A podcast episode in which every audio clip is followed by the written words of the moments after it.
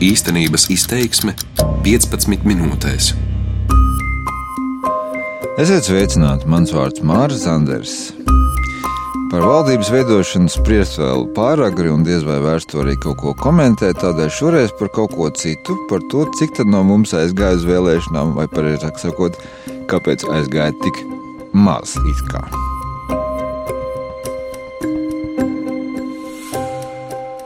Tēma par vēlētāju aktivitātes līmeni, teiksim, kā ir, ir jo aktuāli tajās grupās, kas pašas balsot gājušas, un tādu vai citādu iemeslu dēļ nav apmierināts ar vēlēšanu rezultātiem. Jo, acīmredzot, uzskata, ka, ja balsotāji būtu bijis vairāk, iznākums būtu bijis viņiem, tātad šiem pārmetumu izteicējiem, tīkamāks kas man, godīgi sakot, liekas diezgan saudabīga loģika, jo galu galā tikpat labi varēja gadīties šādā situācijā, ka balsojums būtu bijis tieši vēl nepatīkamāks. Tādēļ tas nu tā. Bet, lai kā arī būtu, tēze publiskajā vidē daudz apspriesta, ka aizgājis balsot cilvēku ir stipri par maz nekā it kā pilsoniskā sabiedrībā nobriedušā pienākas. Uh, ja runā par iemesliem, tad tālākajā es neminēšu tādas jau publiski izskanējušas versijas. Uh, un iemeslus šim 54, nu es noapaļoju 54% aktivitātes līmenim, kā tātad, ka nevarēja lietot ID kartes balsojot, tādu iemeslu kā, nu, no Latvijas aizbraukšo skaits, jo skaidrs, ka visiem cilvēkiem, kas aizbraukuši, nu, tomēr rodās problēmas atrast ārzemēs iecirkni, uh, Vēl ir dzirdēts iemesls par sliktiem ceļiem pašā Latvijā, turklāt bez ironijas, plus vēl tas, ka, nu, ja būtu elektroniskā balsošana, tad būtu lielāka līdzdalība. Šie iemesli ir minēti, par tiem es vairs uh, nerunāšu. Un tātad, lai kā nu būtu, 13. saimas vēlēšanu kontekstā šo daudzu piezīmju rūkumu par to, ka vēlētāji ir bijis tik maz, palielina tas, ka spriežot pēc aktivitātes sociālajos tīklos pirms vēlēšanām, interesē par vēlēšanām un dalībai vajadzēja būt lielākai. Tas viens. B. Ņemot vērā, ka partija piedāvājums nu, uz šīm vēlēšanām bija papildinājies, dažādojies, saucat kā gribat, tika izvirzīta arī tēze, domāju, ka jūs to piefiksējāt, ka nu gan vairs nevarot teikt, ka nesot starp ko izvēlēties. Bija tāda lieta, bija tāda lieta. Kas attiecas uz šo uh, tēzi uh, par to, ka mm, sociālajos tīklos viss liecināja, ka cilvēki ir ļoti aktīvi. Nu, man šķiet jāsacina, ka par spīti viedoklim, ka mūsdienās ļaudis aktīvi, varbūt pat pārāk aktīvi, uz tā teikt dzīvās komunikācijas rēķina lieto sociālos tīklus. Pa spīti tam sociālo tīklu loma tiek interpretēta, es neteiktu, ka pārspīlēti, bet eh, nedaudz vienpusīgi. Proti eh, tas, ka mūsdienās parocīgāk, teiksim, paziņu apsveikt dzimšanas dienā Facebookā, vai ka parocīgāk ir, kā saka, atpūtināt galvu, paskatoties kaut ko izklaidējošu sociālajos tīklos. Tas viss vēl nenozīmē, ka šīs tīklu priekšrocības, ērtums un tā joprojām attiecas arī uz politiku. Un līdz ar to mana hipotēze ir tā, ka jā, sociālie tīkli ir būtiski politisko grupu mobilizācijā, smalki sakot, tas, ka tur notiek tā doma apmaiņa un cilvēki viens otru uzrunā, aicina balsot un tā. Bet tikai tad, ja runa ir par cilvēkiem, kuri tāpat jau ir pietiekoši ieinteresēti par politiskiem jautājumiem, respektīvi, ja viņi tāpatās jau būtu gājuši balsot, ko viņi arī izdara, tad, jā, protams, sociālajie tīkli ir no, nozīmīgi viņu, teikt, viedokļu vēl nostiprināšanā, debatēs ar citu viedokļu pārstāvjiem un tam līdzīgi. Savukārt tas, ja kāds cilvēks aktīvi lieto sociālos tīklus, nu, piemēram, lai liktu kaut kādus video par uh, smieklīgiem atgadījumiem, tas, ka viņš šādā ziņā ir aktīvs, vēl nenozīmē, ka viņu uzrunā sociālajos tīklos politiskās tēmas. Un te mēs nonākam pie tēzes B, respektīvi atgādināšu šie apgalvojumi, ka Nu, šoreiz gan bija plaša izvēle, un kā tad tā, kāpēc tikai 54% aizgāja balsot.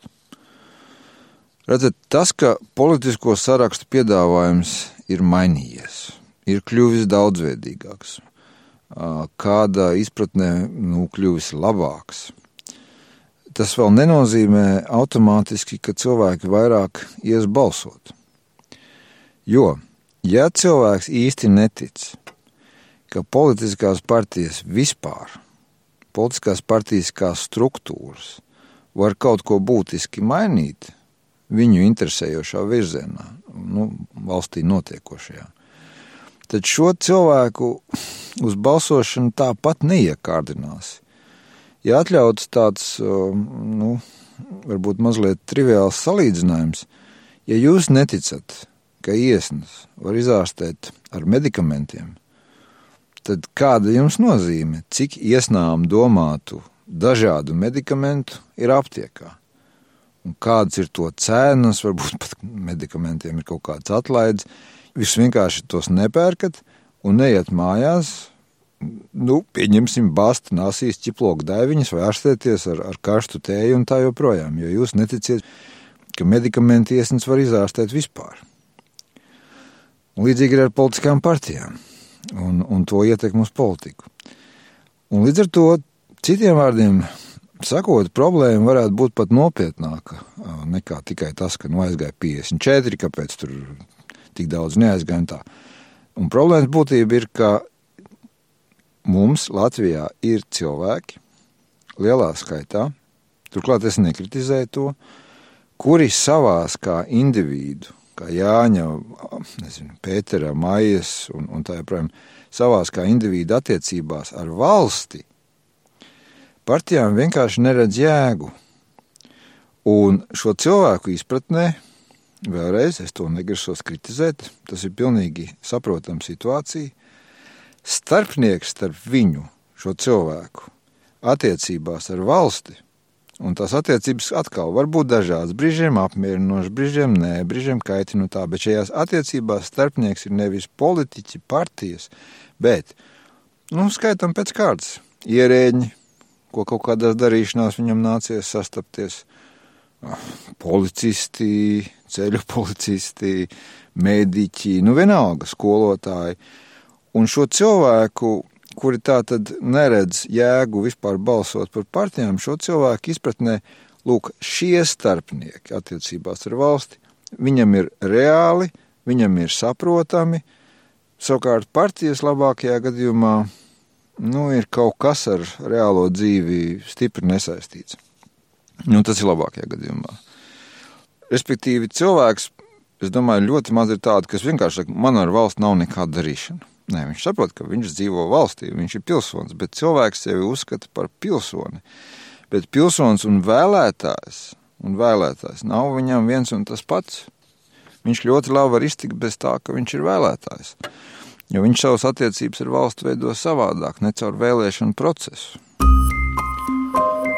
Nu, jā, šī situācija, kad kādi tavi līdzpilsoņi paši balsot neiet, Tomēr kritizēt, protams, notiekošo valstī un, un politikā ir gatavi. Protams, šī situācija var kaitināt, par ko arī, protams, vislielākā tā dusmošanās ir.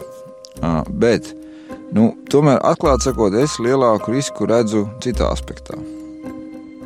Proti, ja ir tik liela vienaldzība pret partijām vispār, vienalga, jaunām vai vecām, tur oligarhu vai pret oligarhu, labām, sliktām partijām, bet vispār, ja vienaldzība pret partijām, tad var gadīties, ka šo vēlētāju daļu savukārt var aktivizēt harizmātiski vai vismaz ar labām manipulēšanas spējām apveltīti līderi.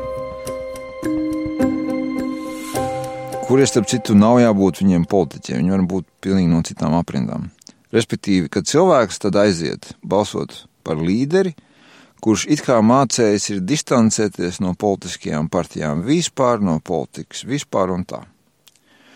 Un pieklājīgi sakot, tad nu sākas baigā laimes spēle, jo šādi līderi dažkārt ir ar visai specifisku izpratni par demokrātiju. Te nav nekādu mājienu par konkrēto Latvijas situāciju. Es vienkārši šajā gadījumā izspēlēju teoretisku situāciju. Ka, citiem vārdiem sakot, cilvēki var, lietosim šo žargonu vārdu, pavilkties uz līderiem, kuri nevis saka, es gribu uzvarēt vēlēšanās. Bet viņi saka, es gribu mainīt politisko sistēmu vispār, jo kamēr ir partijas, tāpat nav nekā daršana ar tām partijām, un, un šī tā neiet, un kaut kas vispār jāmaina principiāli. Labi, es mazliet, protams, pārspīlēju, gluži neviens te autoritāru apvēršumu taisīt, es pieļauju, ka netaisās, kamēr mēs esam Eiropas Savienībā un NATO, bet es ceru, ka tā doma mēs saprotam. Loģisks jautājums, nu un ko mums ar šādu vilšanos tradicionālajā parlamentārās demokrātijas modelī darīt? Jo ar tādu vispārīgu aicinājumu politiķiem uzvesties un strādāt iedzīgāk, es baidos, būs par maz. Mēs jau to varam darīt, bet nu, ko tas dos? Un cik es saprotu, tad problēma ir tā, ka iespējamie konkrētie soļi, kā tad nu varētu to uzticību partiju sistēmai atjaunot, ka konkrētie soļi var paradoxālā kārtā nonākt pretrunā ar demokrātiju, lai gan tieši jau ticības stiprināšana demokrātijā ir mūsu mērķis. Un te kā piemēru var minēt ierobežojumus, piemēram, deputātam mainīt partijas vai frakcijas piedarību. Nu, tur ir plašs varianti, nezinu, gadu pēc ievēlēšanas, visu ievēlēšanas termiņu un tā joprojām. Un tas, starp citu, nav nekāds kaut kāds mans izdomājums.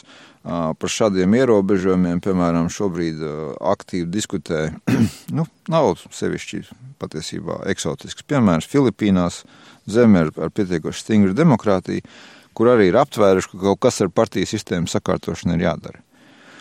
Tad, nu labi, pieņemsim, ka mums ir konkrēts priekšlikums ierobežot politiķu staigāšanu, jo nav grūti iedomāties, ka cilvēku vēlmi iet balsot mazina tas skats, kā politiķi staigā starp partijām.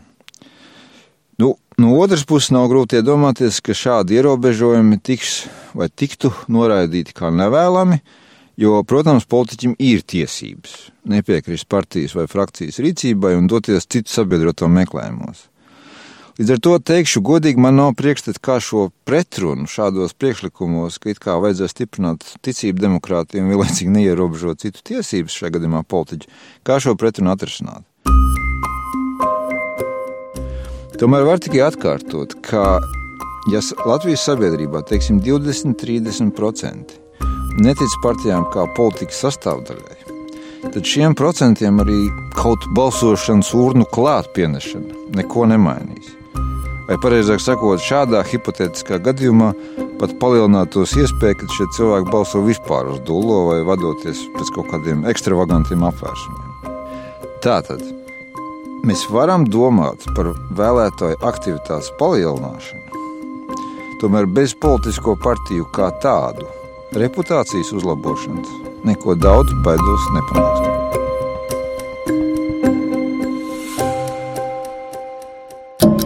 Darbības vārds īstenības izteiksmē izsaka darbību kā realitāti - tagadnē, pagātnē vai nākotnē, vai arī to noliedz.